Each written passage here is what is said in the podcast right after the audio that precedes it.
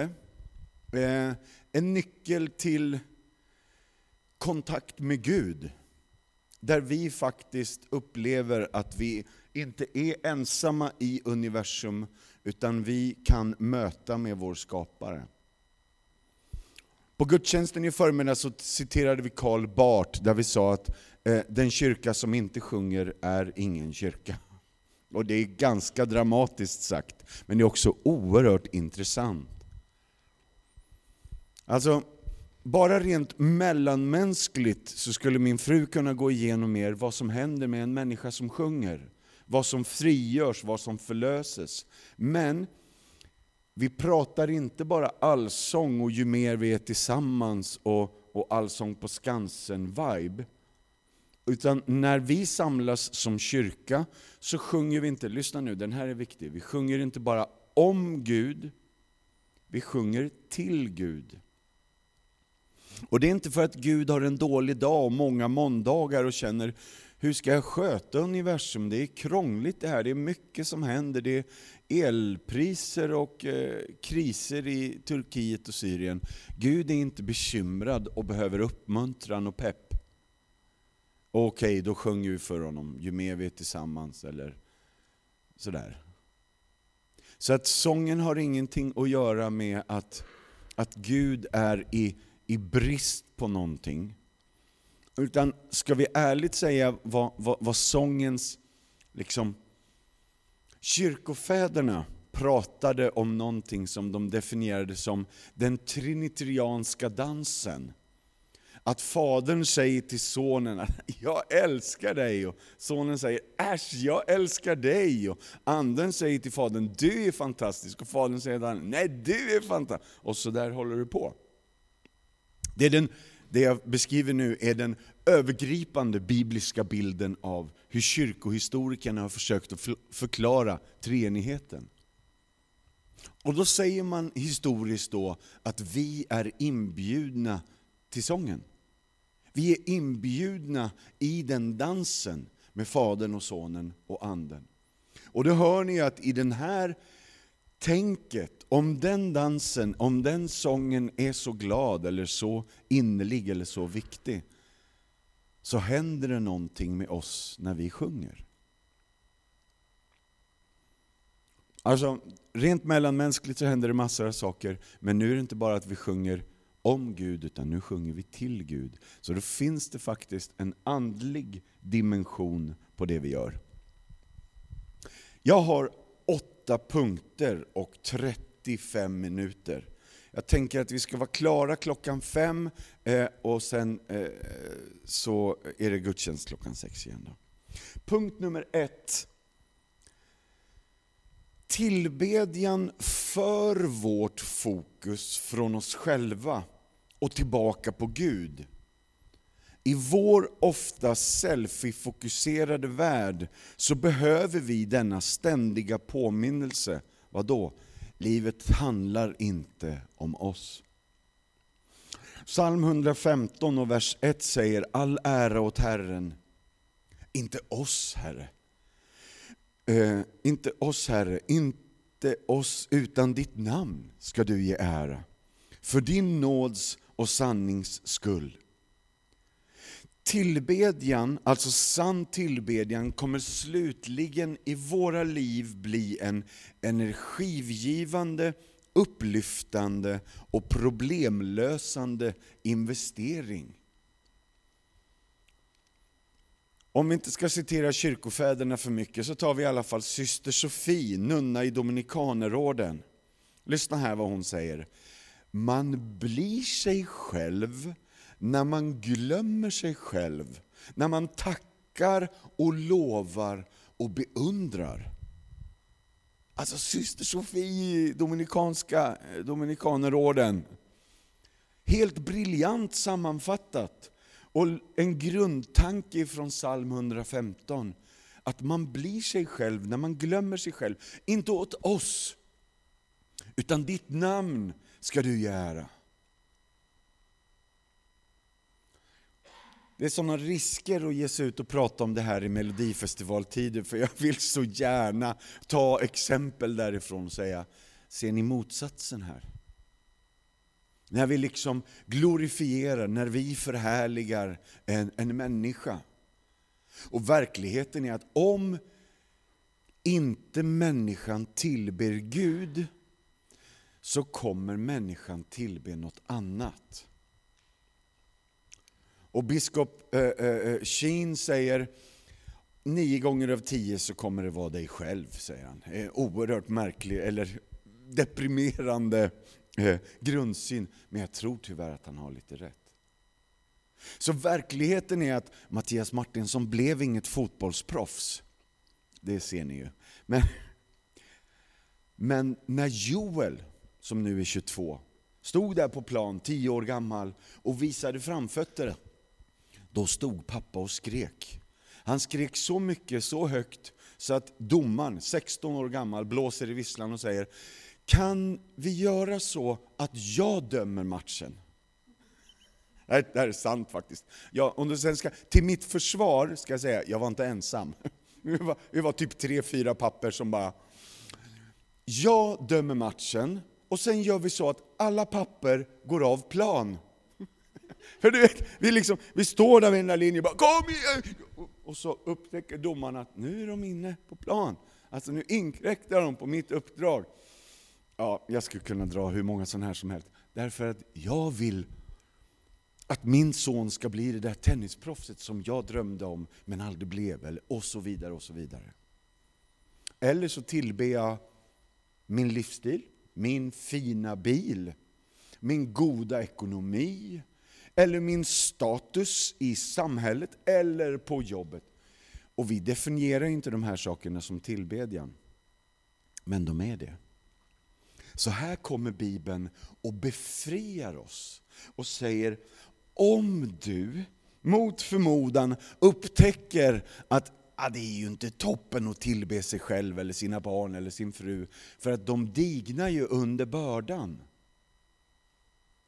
Alltså om min fru, alltså, kommer ni ihåg den gamla filmen med Tom Cruise och Renée Zellweger? Eh, när han kommer in, det har regnat mitt i filmen, det är trasigt mellan, i deras relation. Och så kliver han in i hennes husgrupp typ, och så säger han ”You complete me”. Och redan där känner jag bara, oh, jag spyr. Fy vad dåligt. Men det finns en samhällelig linje där vi tror att någon annan människa ska fullborda mig. Det du gör då är att det kommer att krossa den människan eller er relation. Nu blev det allvarligt här. Men så viktig är tillbedjan för oss. Och där kommer Romarbrevet 1 och säger, hallå, hallå, tillbe inte skapelsen, tillbe skaparen. Och alla i Romarbrevet 1 bara, nej men, då, nej men det är väl kul, det är väl roligt, ja, tillbe henne eller honom eller han eller den. Eller vi ärar våra liksom fotbollsspelare eller våra kändisar eller känn eller sådär. Och på en nivå så känner jag att det är, det är väl fine att vi, att vi hyllar våra hjältar. Liksom. Men att vi inte sätter dem på pedestal. Liksom. Det här tror jag är viktigt. Så att vi tillber någon som tål att bli tillbedd helt enkelt. Ja, jag kan fortsätta hur länge som helst. Men vi tar, ja men här har vi ett citat av biskop Fulton Sheen, han som jag citerade förut. Om du inte tillber Gud, så tillber du något annat. Och nio gånger av tio kommer att vara dig själv. Du har en skyldighet att tillbe Gud. Inte för att han kommer vara ofullständig och olycklig om du inte gör det, utan för att du kommer vara ofullständig och olycklig. Otroligt bra citat.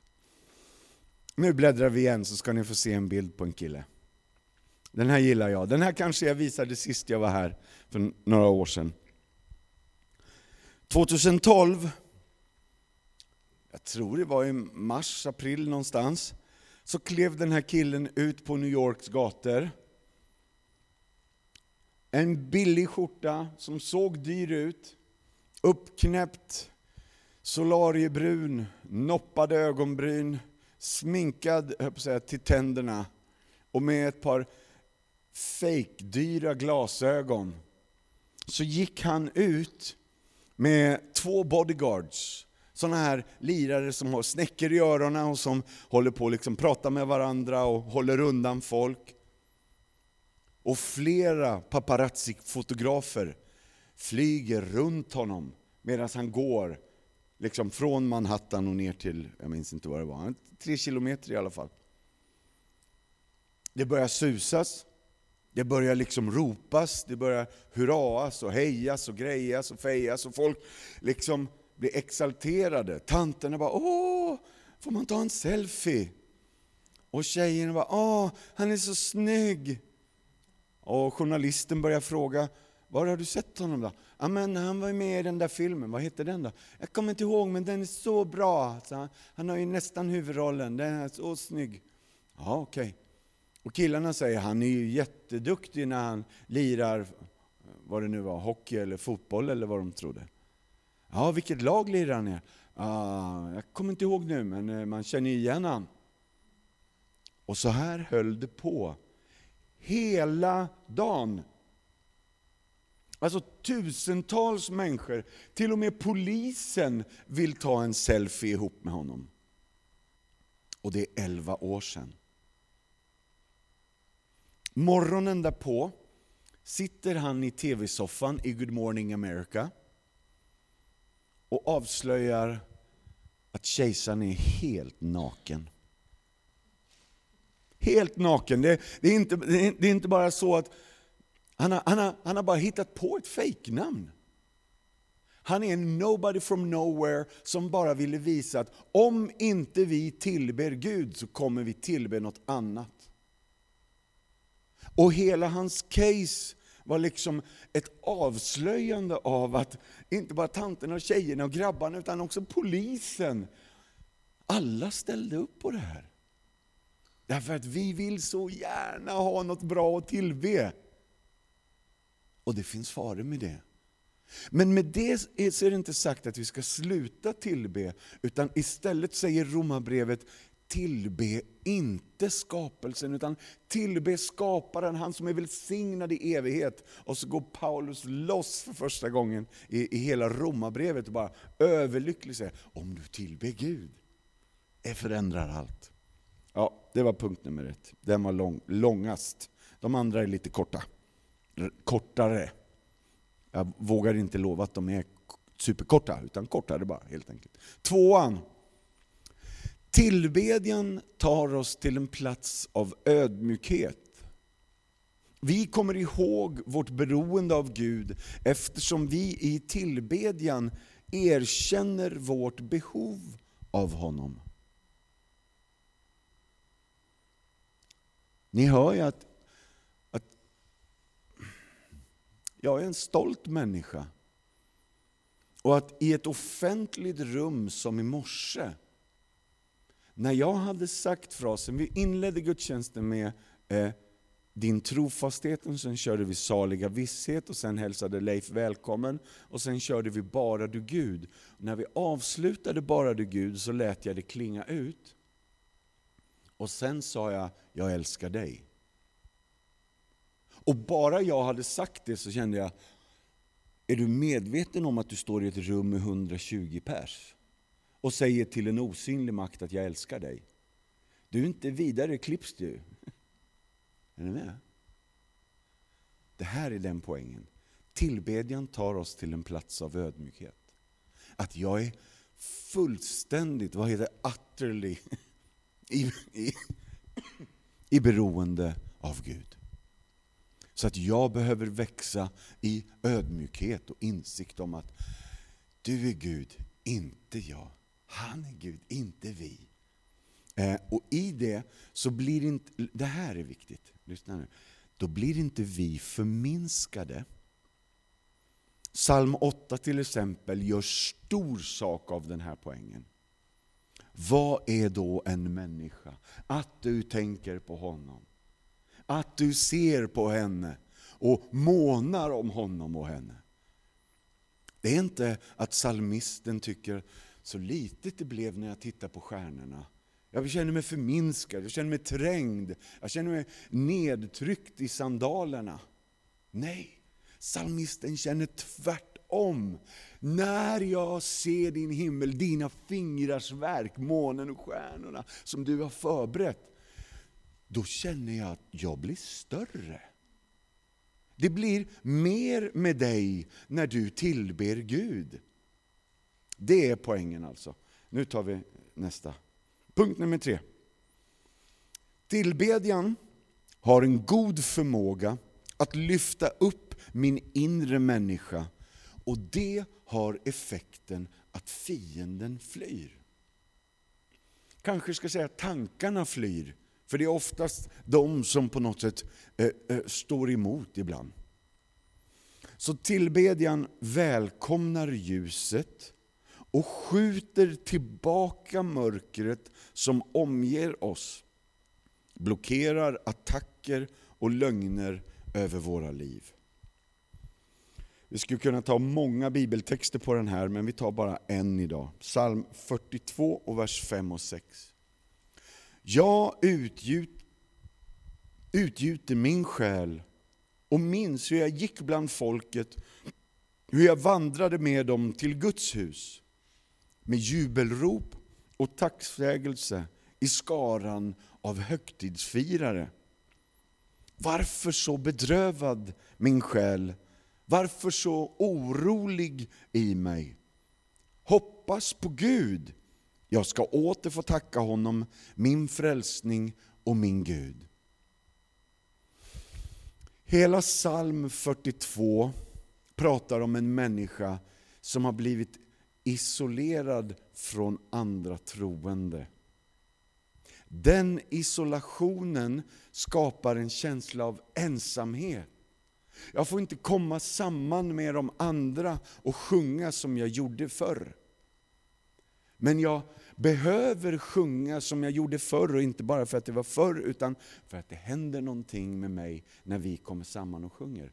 Hallå, är den här skriven in i en coronakontext eller? Är ni med mig? Det är ganska liksom tydligt hur den här salmisten känner en, en, en känsla av att det var länge sedan det var vi, Guds folk, komma tillsammans, lovsjunga och tillbe. För det finns en enorm kraft att vi sjunger lovsång över varandras liv.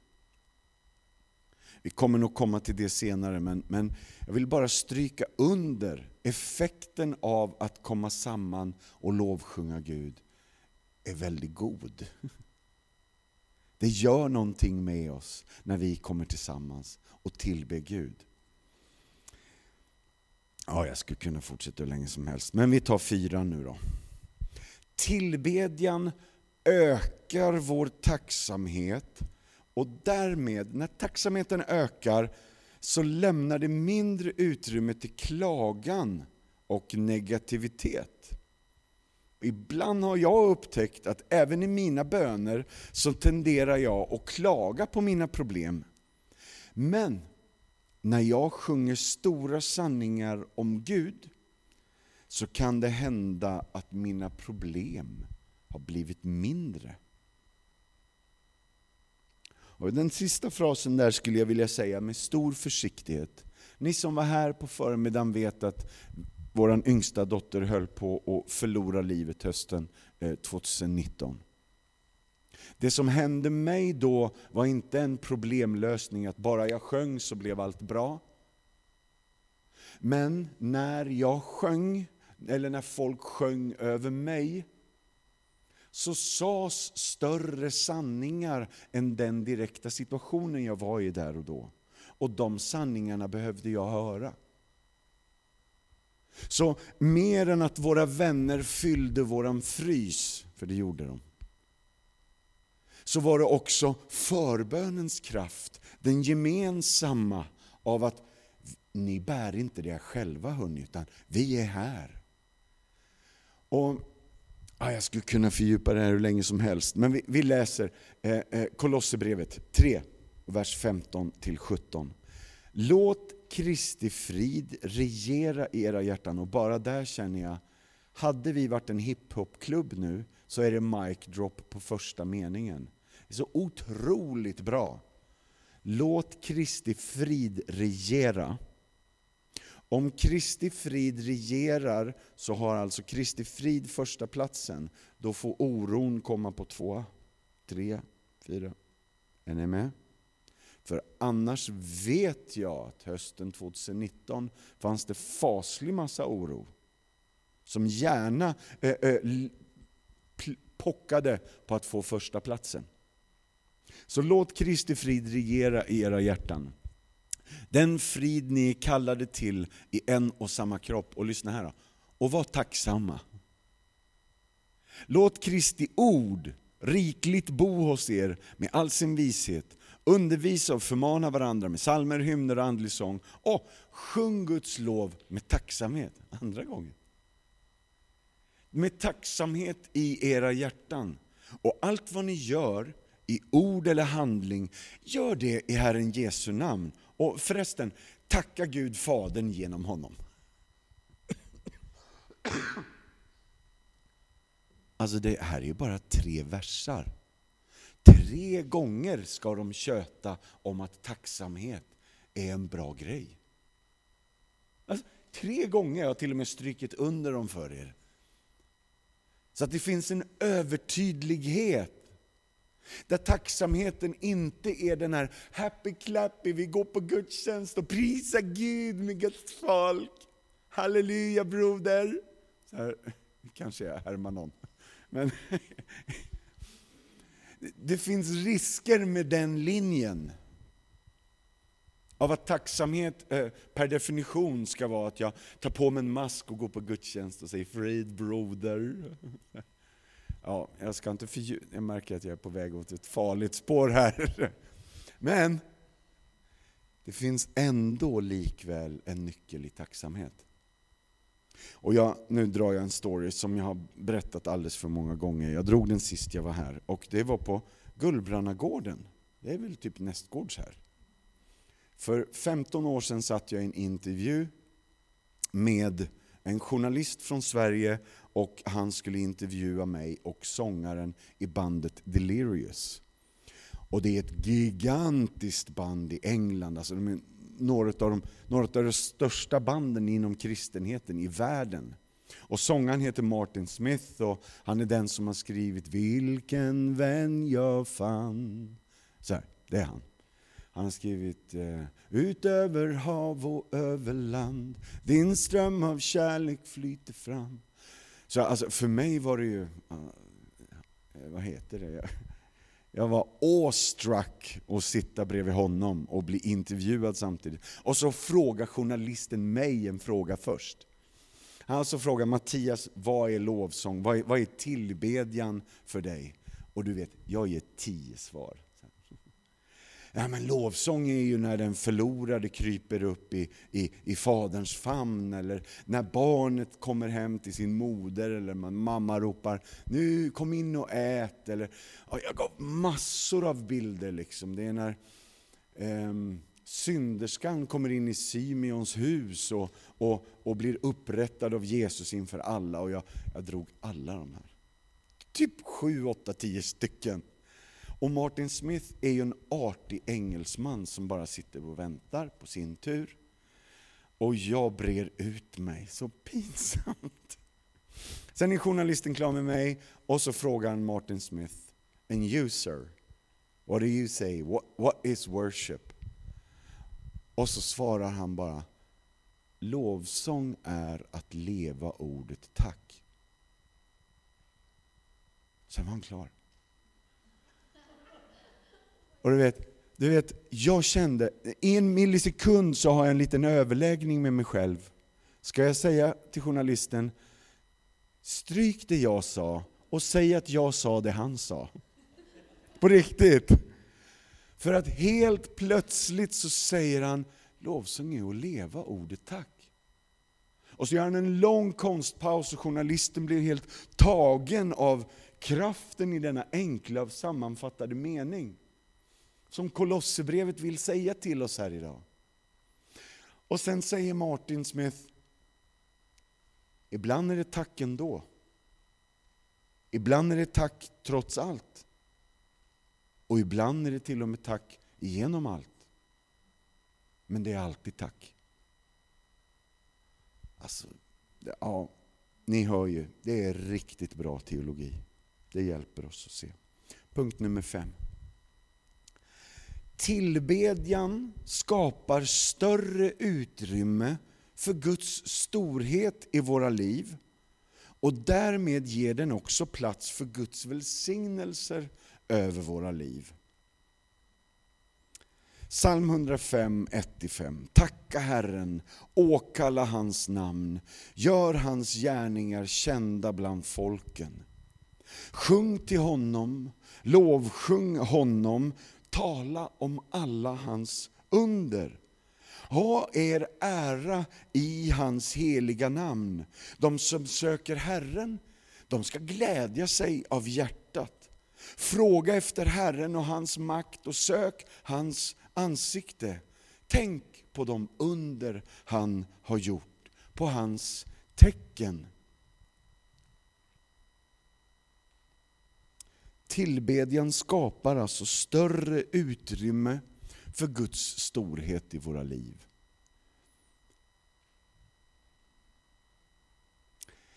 Jag har en podd som heter Martinsson möter.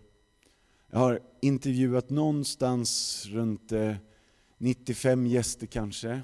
Jag vet inte riktigt. Vi har gjort 105 avsnitt på två och ett halvt år. Genom åren så har jag alltid haft fem inledande frågor och en majoritet av den tiden har en fråga varit till alla mina gäster. Har du varit med om någonting som skulle kunna definieras som ett under, eller ett tecken, eller ett mirakel? Och det går ju jättebra när man frågar en pastor, eller präst, eller någon, någon helig människa. Men det är rätt spännande att bara ställa den frågan till Lasse Åberg. Det krävdes lite av mig, ska jag säga. Men oerhört intressant svar. Han är lite undflyende, men samtidigt så ger han en riktning här. Gång efter annan så blir jag medveten om att när jag ber så händer det saker. Om jag inte ber så händer det inte lika mycket. Med andra ord så är det smart att be. Det är klokt att tillbe. Det är väl investerad tid. Inte alltid för att jag får fantastiska, snabba, snärtiga bönesvar, utan för att det förändras över tid. Om inte Guds hjärta förändras så är det i alla fall mitt hjärta som förändras. Så det finns goda eh, vanor i lovsång och tillbedjan och bön, där jag blir medveten om Guds storhet. Inte bara medveten om min litenhet, för det kan jag bli medveten om på många andra sätt också. Men min litenhet inför hans storhet. Att han är oändligt stor och god och mäktig och fantastisk. Vi behöver gå vidare. Punkt nummer sex. Tillbedjan bjuder in hans närvaro. Gud bor nära oss när vi tillber honom. Och Det här är en liten definitionsfråga.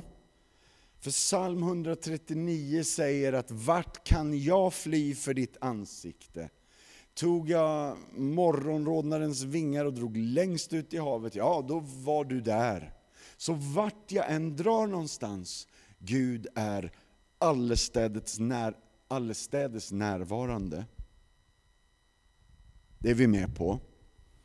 Men min, nu ska jag vara försiktig med orden, men min upplevelse av hans närvaro kan variera. Men bara hjälp mig att avsluta följande mening.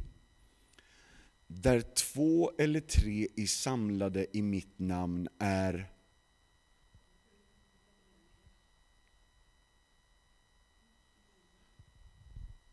Så om vi samlas och firar gudstjänst så lovar Gud, som redan är här, att komma.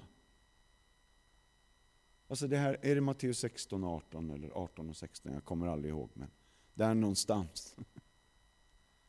Det här är ju fullständigt mindblowing. För lyssna nu då, jag vet att det är eftermiddag och klockan är mycket, men här då.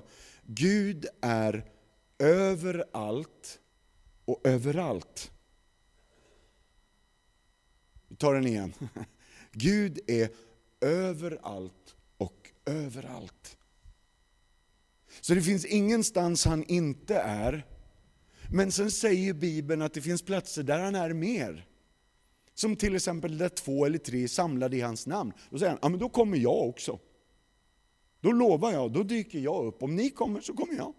Om ni inbjuder mig. Det här är ett mysterium. Men kommer ni ihåg att Jakob brottas med någon miss i nassen? Är det någon som vet vart det är? Det är Moseböckerna i alla fall. Är det första eller andra? Första är det 13. 38, oj oj oj. Där någonstans, första eller andra. Taget. Jakob brottas med någon. Och på morgonen så säger han, han bara konstaterar för sig själv och för oss. Gud var på den här platsen och jag visste det inte. Hallå, vi kan gå på gudstjänst jämt, men ändå missar det. Vi kan sitta av utan att göra oss delaktiga. Helt enkelt, vi, vi lutar oss inte in i ett skeende eller i en tilltro eller en förväntan på att Gud, vad vill du göra nu? Utan vi sitter längst bak med armarna i kors och bara tänker, ja, han får visa sig om han vill, men jag tänker, ja, så här. Och han visar sig ju för folk ändå, det, han är skön liksom. Så han är oerhört barmhärtigt när han puttar Saul av hästen i Apostlagärningarna 9. Han kommer visa sig för folk, absolut. Men ju förr ju bättre känner jag då. Så vi slipper det där med hästen. Så Gud vill komma och möta med oss när vi möts. Så vi kommer inte bara samman för att komma samman. Utan vi kommer samman för att möta med Gud själv. Så den här punkten är viktig, trots att vi inte hade några bibelord på den. Men ni fick några där ändå. Ta punkt nummer sju. Tillbedjan uppdaterar vårt andliga liv och förnyar oss i Guds närvaro.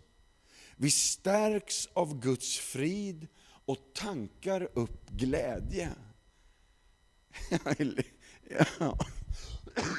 Jag har valt ett litet annat språkbruk med den här punkten och jag, jag gillar det.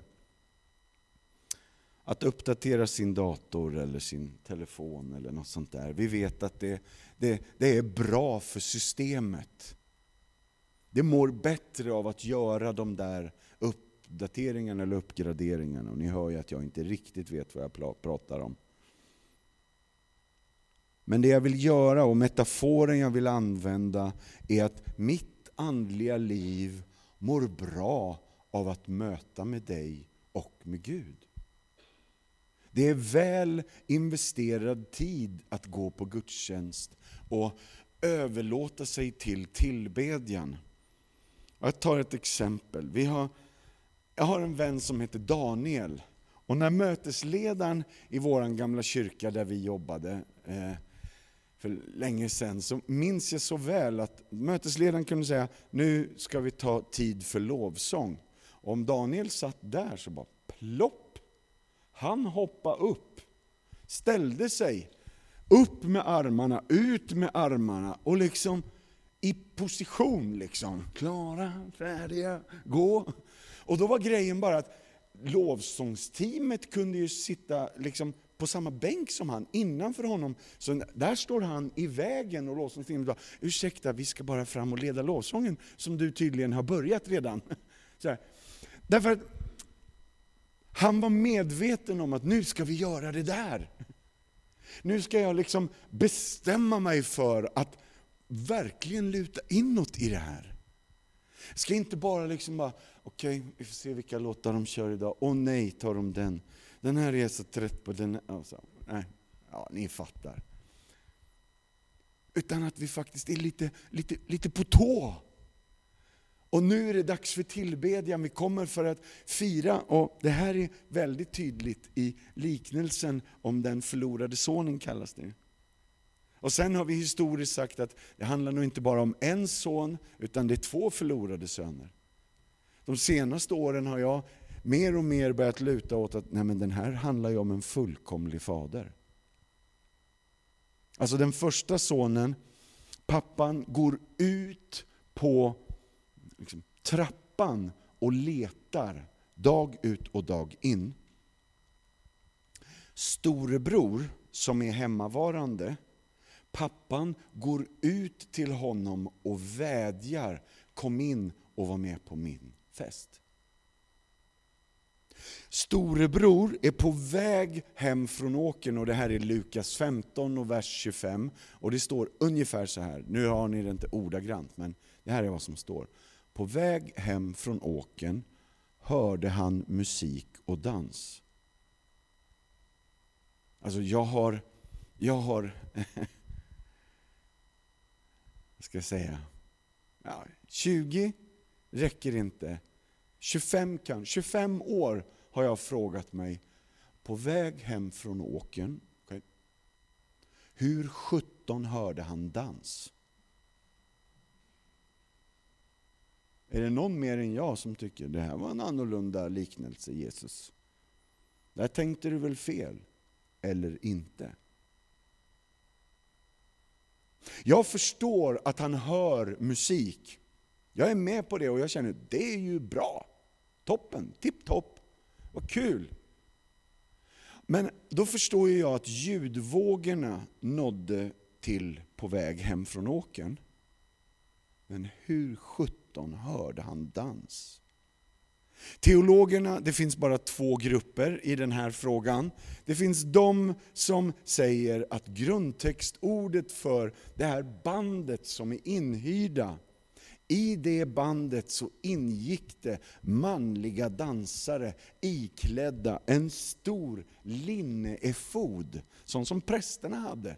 Och längst ner i follen på detta lucia-nattlinne så har de kanske, enligt vissa teologer, sytt in en liten bjällra i follen.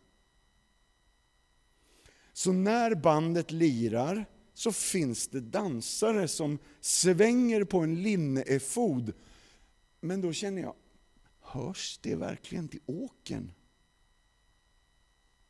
Det, det räcker inte riktigt som svar för mig. Så helt enkelt, här kommer mitt enkla. Det här måste varit en brakfest. Jag kan inte bevisa det utifrån grundtexten, men, men det måste ha varit något ett särdeles oväsen som Bach säger. Ett hejdlöst hålligång med Hasse Kvinnaböske. Det är liksom bara, det nådde dit. Och då måste jag avsluta här nu då, med, med oj, klockan är över fem. Med att fråga oss, vad är hemmet en bild för? Ja, församlingen. Eller möjligtvis himlen, men ja, inte så mycket himlen som församlingen. Och vad säger det då om oss? Att när vi firar gudstjänst så hörs det i Halmstad. Alltså det når ut till åkrarna och människorna och vännerna och bla bla bla. Men ja, jag skulle kunna, vi tar det nästa gång jag kommer. Vi tar sista punkten. Tillbedjan banar vägen för Guds kraft och öppnar upp för under, tecken och mirakler. Jag ger er ett, en bibeltext på det och det är Paulus och Silas när de vid midnatt håller bön och sjunger lovsång och så står det bara de andra fångarna hörde på. Så alltså Halmstad lyssnar på din lovsång, det vet de ju inte om. Men det händer någonting i Halmstad när du sjunger här. När du tillber Gud så bryts det bojor. Fångar blir fria. Dörrar flyger upp. Och fångvaktare blir frälsta. Så tillbedjan banar väg för Guds kraft och öppnar upp för under, tecken och mirakler. Och nu måste vi säga amen och be en bön. Och sen vet jag inte om det blir fika, men det går säkert att vi sätter på ett lite kaffe. Och så ses vi nere vid fadderbarnen där. Men nu ber vi. Tack gode Gud för Kornhill. Tack gode Gud för den här platsen av tillbedjan i den här stan. Tack för vännerna som sitter här. Hjälp dem att vara en lovprisande gemenskap. Som sträcker sig mot dig och vet att du är Gud. Och du är en Gud som gör under 2023. Vi vill tillbe dig, inte först och främst för vad du gör, utan vi vill som de vise männen bara komma och lägga ner allt vi är och har vid dina fötter. Säga, vi tillber dig Jesus. Och vi vill som, som herdarna förväntansfullt eh, eh, gå, gå från, från ängen och kliva in i stallet och bara böja våra knän i, i halmen där. Säga Jesus, du förtjänar inte, inte bara vår lovsång, utan vårt liv. Du förtjänar vårt allt. Så, så sången är en förlängning av det. Så Herre Jesus, hjälp oss att göra stor sak av vem du är och allt du har gett och gjort. Och hjälp oss att sjunga om det så att Halmstad successivt förändras, förvandlas, förnyas, fördjupas, förädlas och förstärks i att vara en stad som tillhör Gud. Mm.